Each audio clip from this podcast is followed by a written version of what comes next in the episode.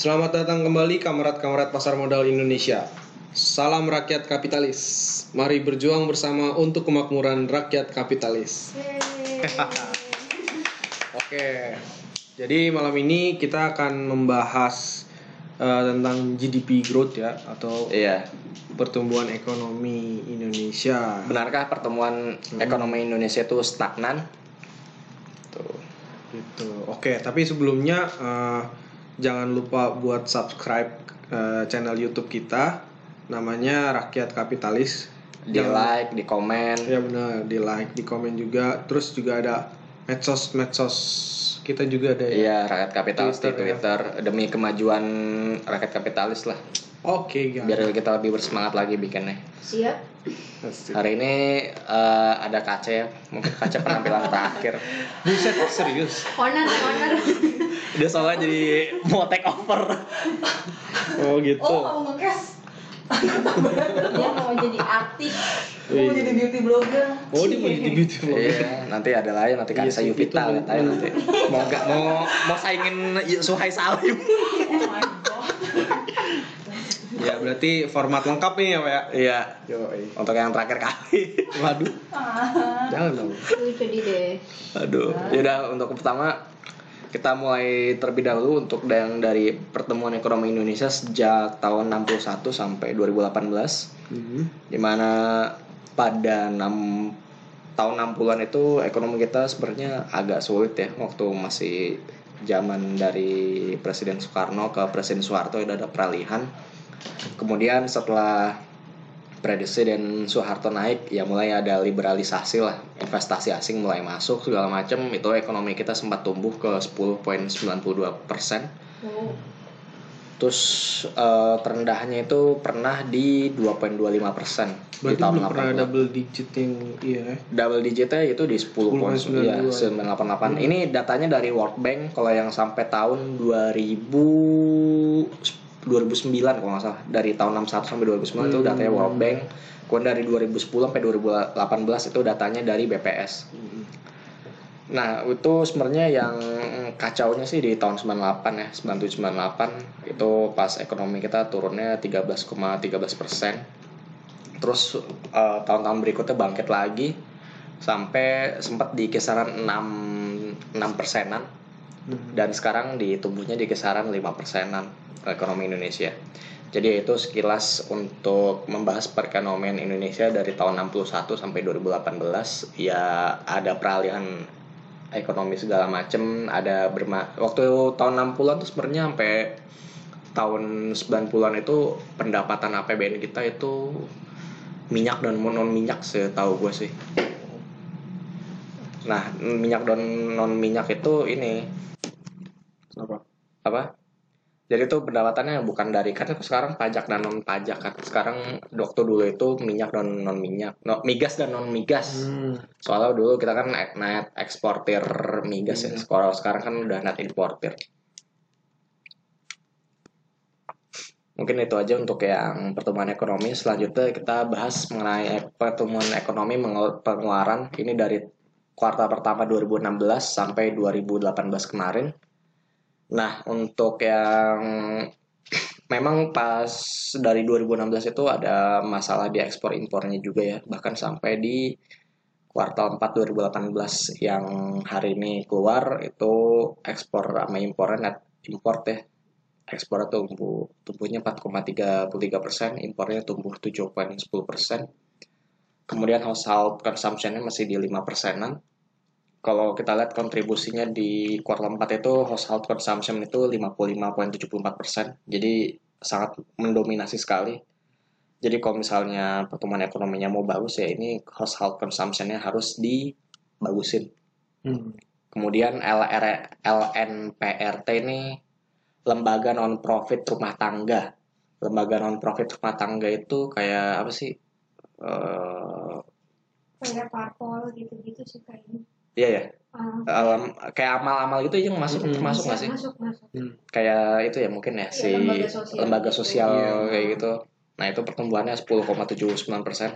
Banyak yang beramal juga ternyata ya. Banyak, Pak. Banyak yang berdosa. Terus kalau eh, government spending itu tumbuhnya 4,56 persen. gross domestic fixed capital ada yang tahu mungkin Fixed capital formation. pembentuk serta pokoknya deh setahu gue tuh apa kayak faktor ya mungkin eh, ini sepengetahuan gue mungkin pengertiannya bisa salah. Jadi kayak pembelian apa ya? Maksudnya kayak alat-alat berat gitu atau iya sih kayaknya sih ya. Kayaknya itu kalau itu masuk government. government spending ada lagi. Itu Jadi- kayaknya masuk investment deh kalau nggak salah. Iya ya, maksudnya sih itu investmentnya ya, kalau nggak salah ya, investasinya ya, Go- go- gross domestic fixed capital formation tuh kalau nggak salah. Terus kalau ekspor impornya kita ya emang belum ada masih belum bagus ya kuartal 4 kemarin. Impor kita 7, naik 7% tapi ekspor kita hanya tumbuh 4,3 persen. Jadi sebenarnya gross domestic itu nyumbangnya cukup lumayan ya 32,29 persen. Jadi kalau misalnya household consumption sama gross domestic fixed capital formation itu bagus ya kemungkinan besar bakal ngebus sih dan sama ekspor impornya kalau misalnya ekspor impornya lumayan aja itu juga bakal ngebantu pertumbuhan ekonomi kita Nah, ini tapi meskipun pertemuan ekonomi kita ya tumbuh di kisaran 5 persenan, cuman ada yang menarik juga sebenarnya dari apa tingkat pengangguran terbuka. Tingkat pengangguran terbuka itu apa ya? Em, angkatan kerja yang lulus terus belum dapat kerja. Itu sih pengertian sederhananya. Jadi kalau kita lihat tingkat pengangguran terbukanya itu eh, trennya menurun ya, meskipun sempat naik di 2016, kemudian di 2018 tuh sekarang 5,24 persen. Pertumbuhan ekonomi kita ya naik sih dari 5,07 di 2017 ke 5,17 di 2018. Nah selanjutnya kita bandingin pertumbuhan ekonomi Indonesia dan ASEAN plus India.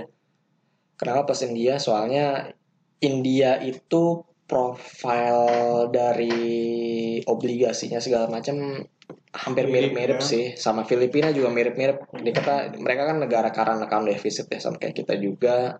Jadi ya gue bandingin masukin si Indianya juga. Hmm. Kalau kita lihat ya Indonesia masih lima persenan ya, ya. cenderung flat. Tapi Malaysia cenderung turun. Ini dari 2017 2018 cenderung turun. Kemudian Vietnam masih naik trennya. Kalau Vietnam. Hmm. Thailand ini juga agak cenderung turun, Singapura cenderung turun. Ya, Pur itu dropnya jauh. Itu Chartnya benar. ini dari dari Q17. trading trading ekonomik sih. Third Q17 double digit gitu. Eh third Q17. Iya, Eh, ya ini dari trading ekonomik sih. Gue nggak tahu ya trading ekonomik bener-bener bener apa enggak. Gue sih ngacu dari mereka ya, soalnya kan yang paling gampang Gila, dari trading economics. Tapi di 2005, 2016 lebih bagus lagi pertumbuhan ekonominya Singapura. GDP kan dia udah negara maju ya. Iya, negara maju. Terus Filipina juga agak melambat, meskipun lebih tinggi ya kisarannya di 6 sampai 7 persen Filipina pertumbuhan ekonominya. Hmm. Kalau India itu sangat Meningkat bagus ya, meningkat trennya. Tapi di kuartal 4 ini Growth tempatnya agak turun emang. Nah kalau kita lihat yang di ASEAN itu yang naik hanya Vietnam aja kalau di Asia Tenggara yang top 5-nya Indonesia stagnan, yang lain sisanya turun sih. Malaysia, Thailand, Singapura tuh turun. Indonesia eh, bener-bener eh, stagnan banget ya. Mas- Eh, sorry sorry. Pertanyaan apakah ekonomi kita stagnan? Kalau kata Faisal Basri, bukan stagnan tapi lebih tepatnya tuh apa ya? Em, tumbuh di kisaran 5% Hmm, iya. belum bisa tumbuh lebih dari segitu. Pertumbuhannya stagnan gitu. Enggak, enggak pertumbuhan stagnan. Kalau stagnan kan ya nggak tumbuh dong. Kalau kata Sri. Makanya gue bilang bertumbuh, maksudnya nilai bertumbuhnya di kisaran pertumbuhannya 5%. Tidak, hampir tidak berubah gitu. Iya, apa nggak ada perubahan sama sekali di 5 persenan aja. Seperti sih itu. Kalau stagnan ya pertumbuhannya nol gitu maksudnya. Iya, mungkin itu kali ya pengertiannya. Hmm. Kalau stagnan mungkin hampir nggak ada pertumbuhan atau gimana.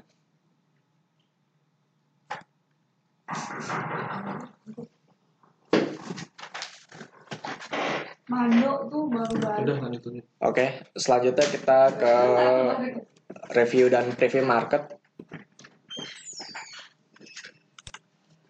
Nah, untuk yang eh, review market itu kita lihat eh, global stock market performance weekly-nya di 2019. Untuk weekly masih bagus sih, yang turun hanya KLSE sama STI. Kuala Lumpur sama Straits Times itu turun minggu kemarin. Selebihnya untuk IISG masih naik 0,9, SETI masih naik 1.7 persen. Si naik paling kencang 3,1 persen. Dan kalau untuk year to date yang melemah hanya Kak KLSE KLSE. Malaysia aja ya. Malaysia aja, sisanya masih masih pada naik. Ini PSI ini apa nih? PSI EI ini Filipina. Filipina. Filipina yang paling tinggi pertumbuhannya 9,1 persen. Sisanya itu di Hang Seng, Cina tumbuh li- eh Shanghai tumbuh 5 persen. Ini Kospi Korea 8 persen. Dow Jones 7,4 persen. Ya jadi kalau secara umum sih ISG 5,6 persen. Ya secara Ya, umum masih rata-rata. masih sih. rata-rata lah ya. Belum out- nggak outstanding banget, nggak jelek banget juga enggak. Jadi ya wajar sih. Seperti yang udah kita prediksi kemarin kan at least kekuatan sampai bisa sampai Maret ya tumbuhnya. Hmm. Kemudian kalau eh, sektor returnnya weekly ini properti yang paling lumayan dalam turunnya 2,3 persen. Ini properti yang biasanya kali ya, ya bukan yang konstruksinya. Hmm. Kemudian agriculture ini karena kemarin minggu sebelumnya naiknya lumayan, ini ada koreksi sedikit. Take profit lagi. Iya, dan trade and services ini turun 3 0,35 persen. Paling tinggi Itu si finance sama Finance. mining. bank sama ya mining ya. Hmm. Untuk selanjutnya untuk ke year to date itu paling tinggi masih infrastructure 8,8 persen, kemudian mining 7,5 persen, dan basic industry 7 persen. Hmm. Kalau kita lihat sih masih alfanya sih masih di infra ya. Infra tuh ada pegas ya, ada telkom, Hmm. ada ya jasa marga, ada indosat. Makanya enaknya kencang banget ya. Soalnya kan Oh, apa? ah, Indosat masuk infra ya? Infra, Indosat masuk infra. Oh, gila Ya, dia Telkom. kalau nggak salah tahun ini tuh dia udah 100% Indosat. Ah, masa sih? Iya serius dari Iya. Harga sahamnya Ah, ya kan? Lo- coba. Iya, Pak. Oh, kalau nggak 100% salah kalau nggak salah sih dari 1500 atau 1600-an ke 3 sampai 3000. Oh gitu. Makanya indeks sektornya naiknya lumayan kencang ya 8,8 persen. Yang kedua tuh mining ya mining sih ada campuran nikel apa Inco. metal metal inco antam segala macam juga naik sih sebenarnya. Ini seminggu ya. Ah ini year to year to. Oh iya. Oh iya. iya. Oh iya nih. Iya Isat Mana kursornya apa ini? 100%. Ah 100 persen. Ini gue ada grafik year to date kan dari Januari tuh masih sekitaran 1645. Terus ini sekarang Oh, 3100 ya? Iya, 31. Iya sih benar. Ya makanya ngebantu indeks infrastruktur ya. Bagi yang punya ya lumayan sebenarnya itu punya hisap. Saya nggak punya. Tapi nggak apa-apa lah, masih ada tens kemarin. Nah selanjutnya ini ada rekomendasi rekomendasi saham sih ya. Pertama ini ada IMJS, IMJS? Indomobil Jasa ya. Oh, Indomie. Enggak tahu gue belum pernah denger lagi dong. Oh coba kita cek. Coba. Lah itu bukan rekomendasi dari Bapak lagi tuh ya? Hah? IMJS ya? Bukan. Indomobil Multi Jasa. Sorry. Rekomendasi gue maksudnya. Iya kayaknya Enggak. pernah ngomong enggak ya? Enggak. Imas kali. Imas ya ngomongnya. Tapi enggak sih. Ya Imas kan saudaranya IMJS. Enggak tahu saya. Indo Imas kan Indomobil itu kan. Iya Indomobil sih. Ya oke lah kita langsung bahas MJS-nya. Hmm. Eh, Untuk secara teknikal sih ini supportnya terus naik, resistannya juga terus naik. Ya ini masih uptrend lah ya dari tahun awal tahun 2019 sampai di Februari ini. Tapi masih tertahan di resistennya masih di kisaran 875-an. Ini kalau naik peluang upside-nya ke 945 sampai 1030 untuk MJS. Oh, itu dia 5 tahun terakhir tuh all time high ya. All time high Iya. lima tahun terakhir. 5 Ini lu suggest buy pak? Hah? Gue sih ngeri. Apa? Kalau lu bilang lu suggest buy, Hmm. gue sih nggak tahu dia kayak gini. Iya sih. Emang abang ada yang ngeri sih. Iya. Apa mungkin ada infonya gitu, katalisnya apa? Kayaknya sih enggak kalau gue sempat ngelihat laporan keuangan sih lumayan bagus ya. Heeh. Lumayan laporan keuangan lumayan bagus. Dan dia kan saya merasa bisnis tuh sewa. Mungkin kita bahas saya bahas kali nanti minggu depan. Sewa mobil Ya sewa kayak asa gitu. sewa apa apa itu. Mungkin kita bisa bahas Rental, kali ya rental.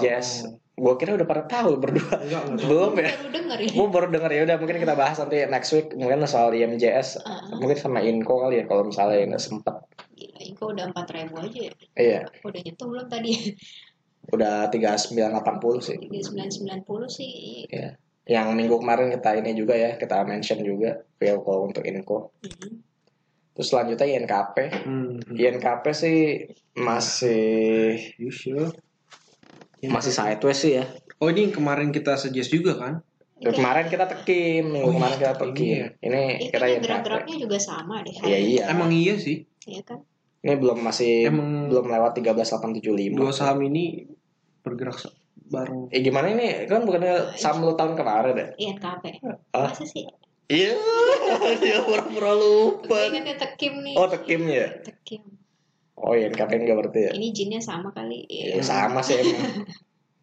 Ini masih resistannya 13875 sih belum Masih sideways lah itu. ya masih satu sih belum Dari- breakout, Mm-mm, Belum ada.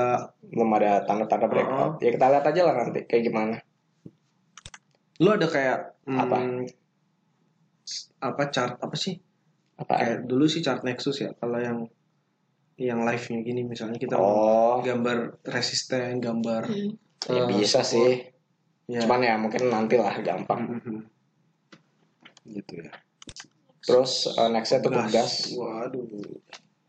Pegas ini juga upturn sebenarnya. Dan kalau gue lihat sih ini supportnya terus naik ya. Harusnya sih kalau misalnya sesuai skenario ya dia side apa side dia koreksi dulu harusnya. Iya sih. harusnya sih koreksi dulu. Bikin high. Kalau iya bikin High new low low. baru. Hmm. Kalau misal dia koreksi, wah ini enak nih. Dia koreksi, mantul ya. mantul sini, Hmm. break break apa break resisten, langsung naik lagi. Ya lah, indah boleh. banget kayak gitu ya. Boleh, boleh, boleh. Indah banget kayak gitu ceritanya. Gak tau malah di sini malah lewat ya. Janganlah. False break. Hmm. Eh, enggak deh, enggak apa-apa. Gak punya posisi kan? Enggak. Eh gua ada sih. Lu ada. Fun. Enggak. Eh kalau itu mah kayaknya apa? Fan mah kayak tadi ada. ada. Trade. Kalau priba pribadi gue belum masuk sih, gue nungguin malah di sini nih. Kalau kalau gue pribadi di area sini lah, di 2400an. Iya di 24 ya kayaknya. Iya. Ya nunggu koreksi dulu lah. Selanjutnya nah ini nih. PRO. Ini seru nih. Hmm. Kalau PRO nih kayaknya orang entah notice apa enggak gue juga nggak tahu sih. Tapi dokter market sih udah ngerekomen ini udah lama sih. Dokter market juga lumayan oke sih. Ya supportnya terus naik, resistannya terus naik. Ini polanya lumayan oke. Hmm. Kalau misalnya dia ini kan belum lewat resisten ya. Hmm. Ya kalau koreksi dulu terus naik lagi terus nembus resisten ya juga. Ya mirip-mirip sama kayak ini ya. Iya tadi. Pegas. Hmm. Tapi di di level ISG sekarang ini lu nggak khawatir apa? Oh enggak, Enggak. enggak. Sampai pemilu ya? Sampai pemil gua enggak khawatir. Gua agak-agak worry sih. Tahu deh. Iya sih. Gue sih paling sampai kuartal satu, kuartal satu ya masih ini sih. Ya kan gue itu kan sama aja sampai Maret, Bu. iya, Iya, memang. uh-uh. Tapi di level sekarang ini ini tuh udah kayak di atas angin banget gitu loh. Belum, ini baru 6 4 masing-masing Tapi masuk. rupiahnya memang masih menguat. Rupiah masih menguat mas menguat, Iya, obligasi. Ntar cadangan devisa Hari, naik nih. hari ini tuh indah banget. 13 Both in equity dan obligasi. Oh ya, Gila. obligasi gimana? Oh, rally hari ini. Rally ya. Heeh. dari 7,8 tuh. Hari ini tuh ditutupnya tuh di 7,6 kayaknya deh. Ini yang Ah. 78 ya? Ya, yang 10 Ya tahun. 10 tahun. Kita itu ditutup ditutupnya tadi Di yield di berapa? yield mana ya? Hmm, Dia berapa tuh?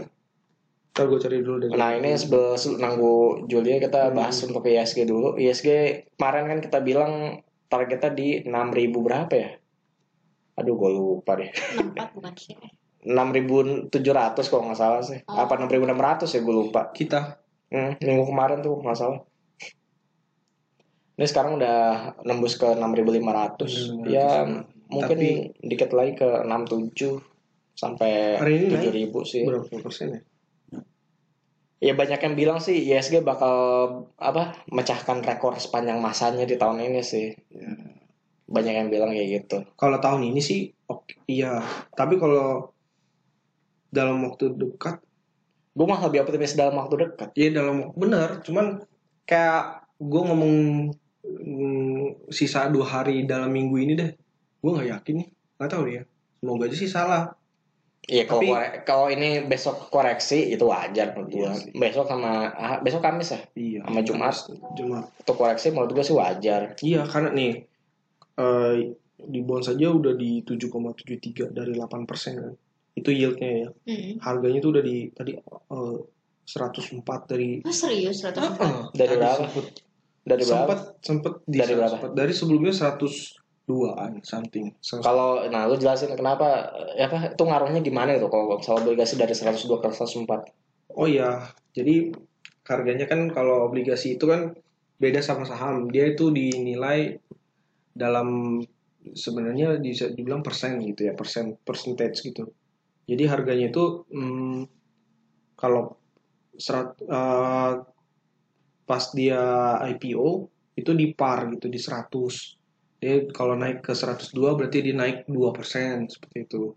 Kalau dia turun ke 98 berarti dia turun 2% kayak gitu. Nah, ini dari 102 naik ke 104 berarti kira-kira naiknya 2% gitu. Oke oke. Gitu. Jadi Jadi kalau misalnya untuk money apa reksadana fixed income lumayan berarti ya. oh Oh, lumayan. boleh. Dan hari ini indeks HB kan tuh yang Oh ya HB.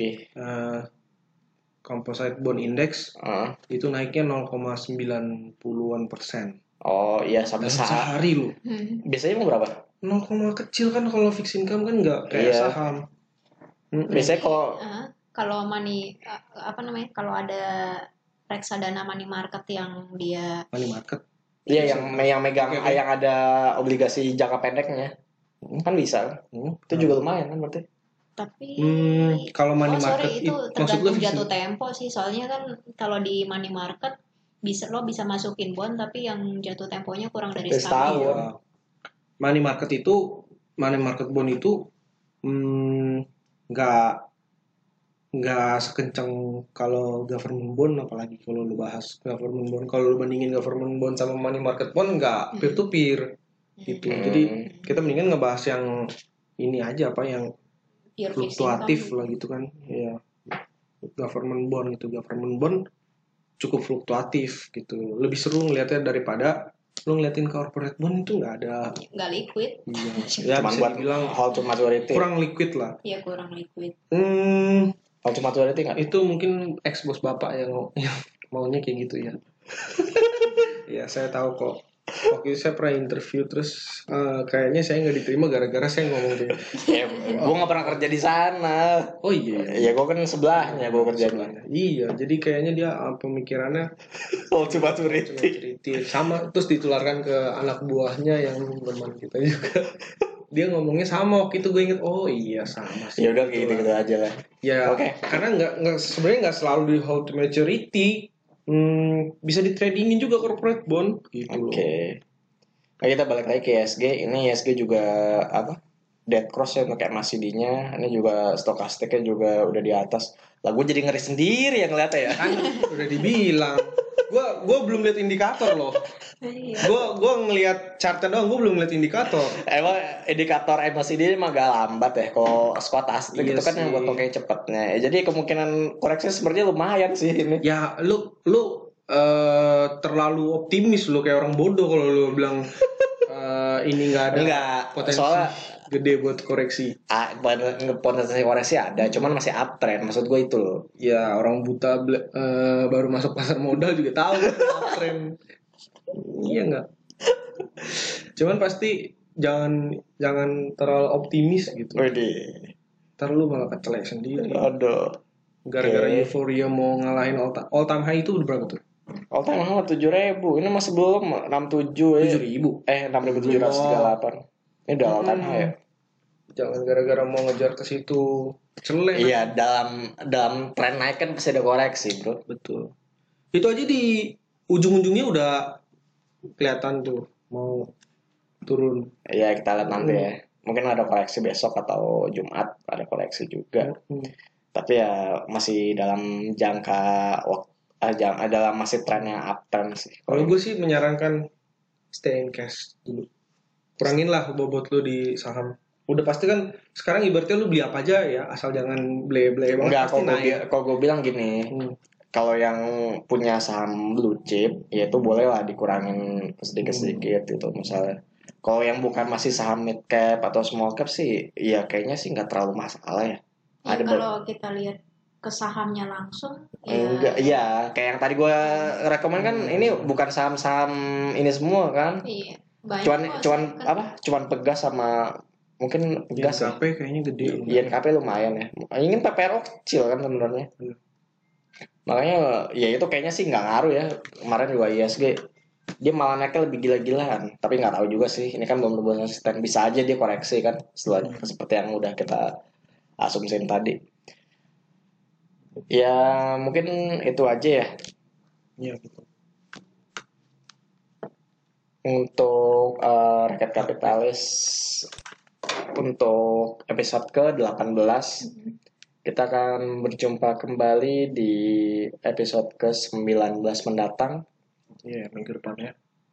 Ya sampai jumpa kembali rakyat eh, kamerat jangan lupa untuk follow twitter kita di @rakyatkapitalis kalau ada pertanyaan bisa ke email kirim email kita di rakyatkapitalis@gmail.com kemudian jangan lupa dengerin Spotify kita di Rakyat Kapitalis sama YouTube kita di Rakyat Kapitalis jangan lupa di subscribe komen dan di like kalau perlu dibunyiin lonceng loncengnya kalau ada video baru bisa ditonton. Asik.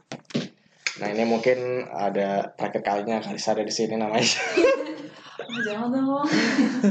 kan bukan kalau ada pertanyaan apa gitu. apaan Oh, udah. Oke. Udah, itu dua minggu yang lalu. Dua minggu yang lalu. Oke. Hmm, hmm. Nah mungkin Gue eh, subscribe deh. Iya, gue juga belum subscribe nih. Iya bener subscribe. Subscribe guys. Ya mungkin itu aja dari kita sampai jumpa kembali di episode 19 bye bye Bye. Gimana sih caranya?